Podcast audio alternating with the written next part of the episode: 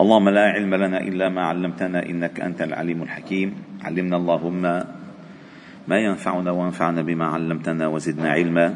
واجعلنا ممن يستمعون القول فيتبعون أحسنه وأدخلنا برحمتك في عبادك الصالحين. وبعد. فلا نزال معكم أيها الأحباب الكرام في مجالس القرآن ضمن دروس قرآن الفجر. وقد وصلنا إلى قوله تعالى في سورة آل عمران في أواخر الآيات والتي هي قواعد أساسية معالم طريق معالم طريق منارات هائلة في فهم ما يجري. قال الله تعالى بعدما قال كل نفس ذائقة الموت. وإنما توفون أجوركم يوم القيامة. فمن زحزح عن النار وأدخل الجنة فقد فاز. وما الحياة الدنيا إلا متاع الغرور. لتبلون لتبلون في أموالكم وأنفسكم ولتسمعن من الذين أوتوا الكتاب من قبلكم ومن الذين أشركوا أذى كثيرا. وإن تصبروا وتتقوا فإن ذلك من عزم الأمور. الله أكبر. آية هائلة. هذه آية تمتد على امتداد الحياة. لأن الله تعالى ذكرها بسياق التوكيد. لتبلون هذه النون تسمى نون التوكيد. لتبلون إن أمر حاصل لا محالة. أحسب الناس أن يتركوا أن يقولوا آمنا وهم لا يفتنون. والله جل جلاله ينزل البلاء على المؤمن لرفع درجاته. وليخرج إلى العلن مكنونات إيمانه وأنوار يقينه كما فعل مع إبراهيم عليه السلام. وإبراهيم الله جل جلاله قال وإذ ابتلى إبراهيم ربه بكلمات فأتمهن. يعني البلاء مع إبراهيم كل مراحل حياته كانت ابتلاء وبلاء كلها من أولها إلى آخرها والصورة الواضحة في البلاء المباشر مع إبراهيم هو ابتلاؤه بذبح ابنه. لأن الله تعالى غيور. الله اتخذ إبراهيم خليلا. وبدأ إبراهيم بعدما شب ابنه إسماعيل يتعلق به. فالله ما ما أراد أن يأخذه منه أو أن يحرمه منه. أو أن يؤذيه فيه حاشا وكلا. ولكن أراد أن يصفي قلبه من التعلق بغيره جل جلاله. فقط بس. فبعدما شب وبلغ معه السعي قال يا بني إني أرى في المنام أني أذبحك. فانظر ماذا ترى. قال يا أبت افعل ما تؤمر. فإذا انعطش الحبل التعلق انعطش لا البابا لا لا, لا الأب قال له حبيب قلبي شوف شوف لي شيء مخرج ولا الأبن قال له أنا بعد ما كبرت بدك تذبحني؟ قال له افعل ما تؤمر. اذا الأب والأبن على على الموجة نفسها. لذلك الله تعالى قال فلما أسلما الاثنين معا وتله للجبين وناديناه أي يا إبراهيم قد صدقت الرؤيا إنا كذلك نجزي المحسنين إن هذا لهو البلاء المبين. فإذا ما نجا إبراهيم عليه السلام من البلاء أننجو نحن؟ لا يمكن. لا يمكن. فالله قال لتبلون في أموالكم وأنفسكم. في أموالكم إن كان بالنفقات بالصدقات بالزكوات وإن كان بالمصائب التي تأتي على الإنسان بماله. ولنبلونكم بشيء من الخوف والجوع ونقص من الأموال والأنفس والثمرات. وبشر الصابرين. وأنفسكم إن كان بالمرض إن كان بالوفاة إن كان بالفقد إن كان بالحبس كله بلاء هذا. هذا كله بلاء. هذا الداخلي. يعني هذا البلاء يسمى بلاء داخلي. فيما في محيطك أنت مالك نفسك. في مالك وفي نفسك. قال هناك بلاء خارجي. ولتسمعن من الذين أوتوا الكتاب من قبلكم من اليهود والنصارى. ومن المشركين أذى كثيرا.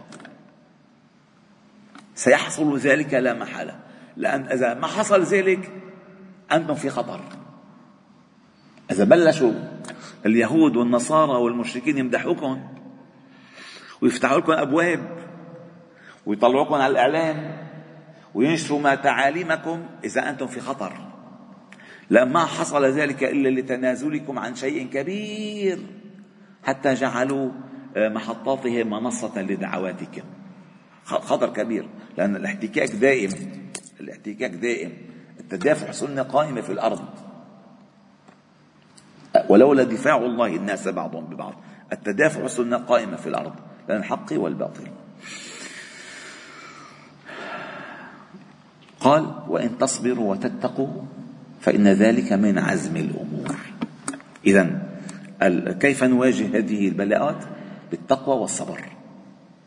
التقوى والصبر لا التراجع والتنازل. أبدا. أو الصفح والغفران؟ أبدا. ما فيك تصفح عن عدوك في القتال؟ أبدا. هلأ اسمعوا أسباب نزول هذه الآية حتى تفتح لكم المدارك الآن.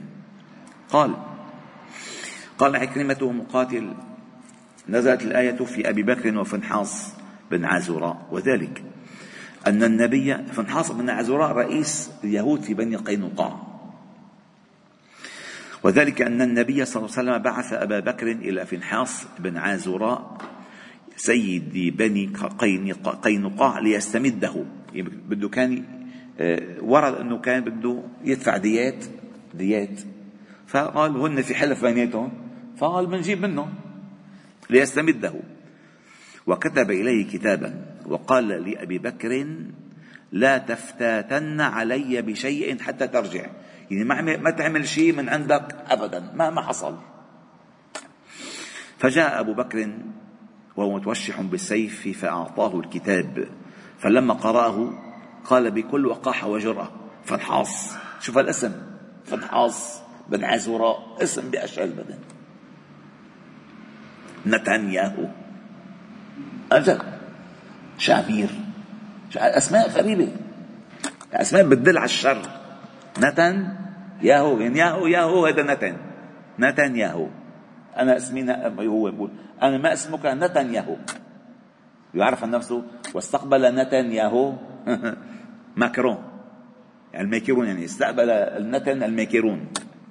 ماشي؟ طيب هيك بالاصل فقال فقال فنحاص بن عازوراء أقد احتاج ربك إلى أن نمده مع أساس أنتم الأخيار وأنتم مع الله والأولياء. ربك بده منا مصاري بدنا نعطيه. أحتاج ربك أن نمده آه فهم أبو بكر أن يضربه بالسيف. ثم ذكر صلى الله عليه وسلم لا تفتتن عليه بشيء فكف فنزلت هذه الآية.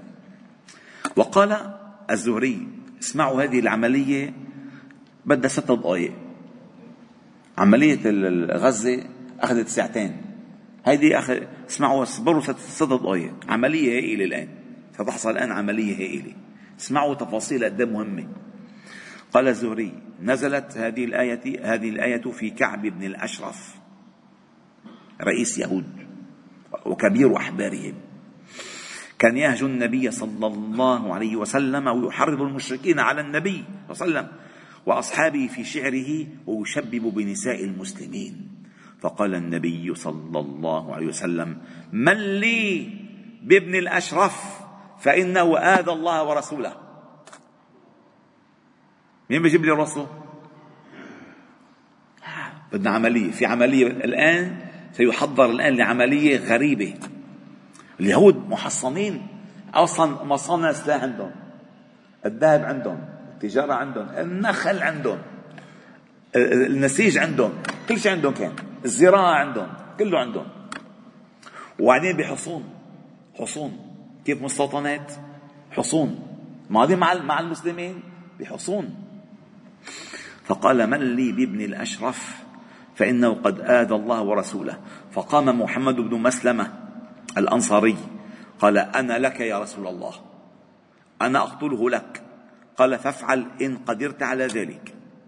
فرجع محمد بن مسلمة فمكث ثلاثة أيام لا يأكل ولا يشرب إلا ما تعلق نفسه يعني إلا رمق مشان ما يموت. فذكر ذلك للنبي صلى الله عليه وسلم. فدعاه وقال له لم تركت الطعام والشراب؟ قال يا رسول الله. قلت قولا أنا أنه أنا أقتله. أنا وعدتك بشغلة قلت لك أنا سأقتله. قلت قولا ولا أدري هل أفي به أم لا. لأن شغلة صعب كثير. فقال له النبي صلى الله عليه وسلم إنما عليك الجهد. عليك المحاولة. الإنسان ما يحبط ما ييأس أبدا عليك المحاولة النتائج من الله سبحانه وتعالى.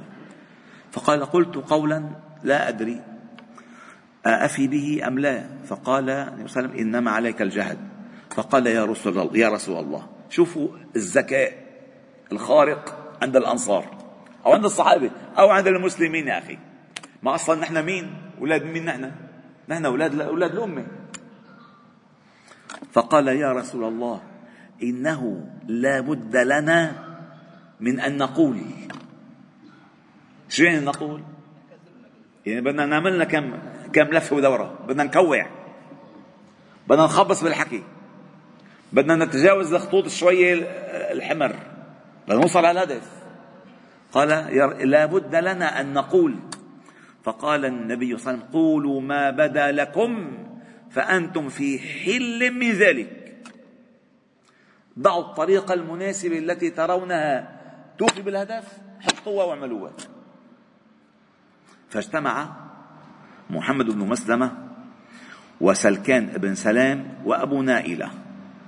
اجتمعوا ثلاثة وضعوا خطة. وكان أخا كعب من الرضاعة وعباد بن بشر والحارث بن أوس وأبو عيسى بن جبير. يعني فرقة من ستة. فرقة ستة حطوا الخطة فمشى معهم النبي صلى الله عليه وسلم إلى بقيع الغرقد. ثم وجههم. وقال انطلقوا على اسم الله. اللهم أعنهم. عملية قال في ليلة مقمرة. عملية ليلية مع وجه الفجر حصلت ستة وهن حطوا خطة ما شرحوا ما, ما الذي يريدون أن يفعلوه أبدا. قال افعلوا ما بدا لكم قولوا ما بدا لكم بدي هدف. بدي راسه. الله الله. قال وذلك في ليلة مقمرة. فأقبلوا. حتى إذا انتهوا إلى حصنه. بس استنى أربع دقائق سامحوني شوية. حتى إذا أتوا أو انتهوا إلى حصنه. فقدموا أبا نائلة فجاءه يتحدث معه ساعة وتنشد الشعر. وكان أبو نائلة يقول الشعر. يعني سامر لقاله وقريب له ثم قال ويحك يا ابن الأشرف إني قد جئتك لحاجة أريد ذكرها لك. فاكتم علي. بدي أقول لك شيء سر. بيني وبينك. بس تقلق بس تقلق الشغلة كون أقول لك 300 واحد هو عادة بس تقلق قال فاكتم علي. قال أفعل. قال كان قدوم هذا الرجل يعني ما وسلم النبي. كان قدوم هذا الرجل بلادنا بلاء بلاء كبير. وجع راس.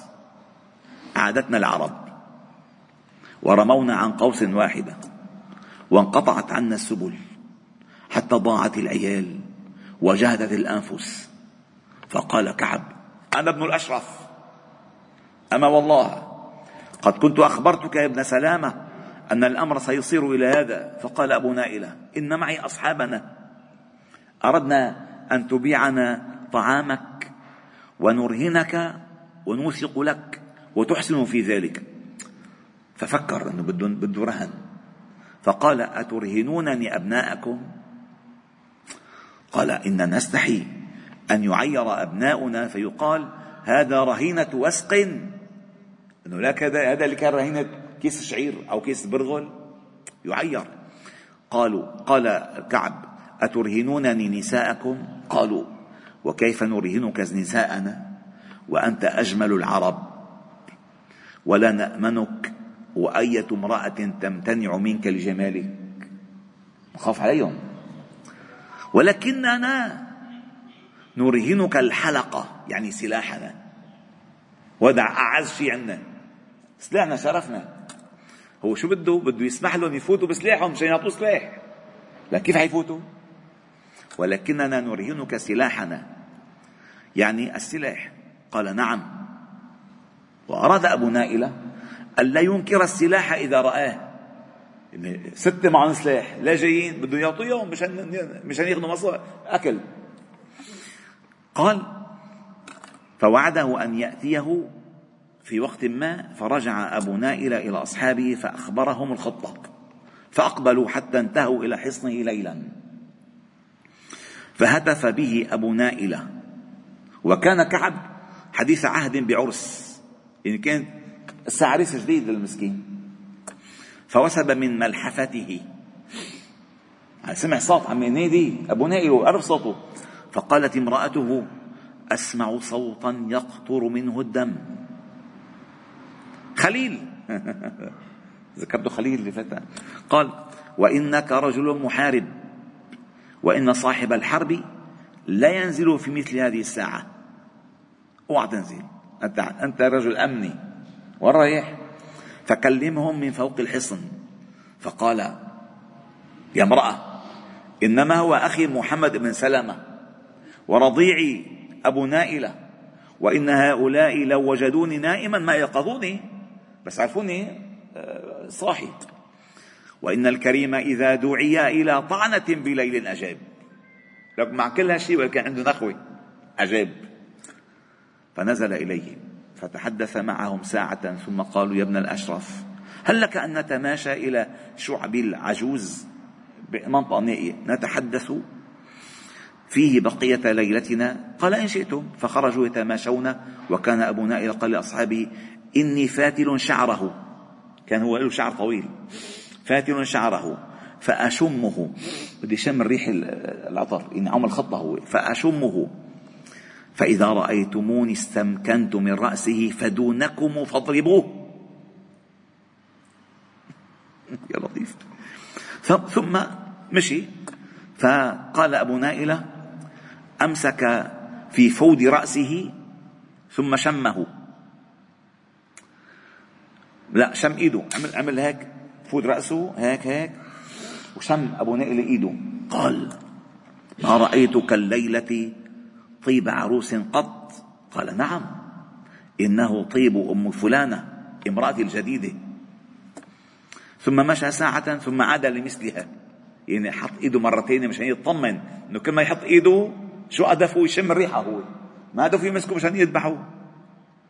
يعني عملوا والله شو الريحة حلوة؟ والله عجبتني الريحة أستن أستن اللمسة أستن لمسة أستن لمسة لتوصل للمرحلة للإطمئنان. فقال ثم مشى ساعة ثم عاد للمسيح حتى اطمأن. ثم أخذ رأسه حتى استمكن منه. ثم قال اضربوا عدو الله. شوف هالخطة قد مهمة فاختلفت عليه أسيافهم فلم تغن شيئا عنه. فقال محمد بن مسلمة فذكرت مغولا في سيفي فأخذته وقد صاح عدو الله صيحة لم يبقى حولنا حصن إلا أخذت عليه النار. يعني فيه كلهم. أجت علمة الأنذار.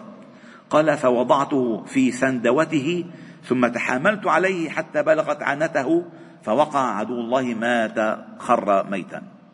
وأصاب الحارس بن أوس بجرح في رأسه أصابه بعض أسيافنا بالغلط فخرجنا وقد أبطأ علينا صاحبنا الحارس ونزفه الدم فوقفنا له ساعة ثم أتانا يتبع آثارنا فاحتملنا فجئنا به النبي صلى الله عليه وسلم وهو قائم يصلي فسلمنا عليه فخرج إلينا فأخبرناه بقتل كعب وأعطيناه رأسه. فتفل النبي صلى الله عليه وسلم على جرح الحارثة فبرئ. فرجعنا إلى أهلنا. فأصبحنا وقد خافت يهود وقعتنا. شو العملية هيدي خطيرة كثير. فاتوا على قلب الحصن. وقتلوه بليلة عرسه.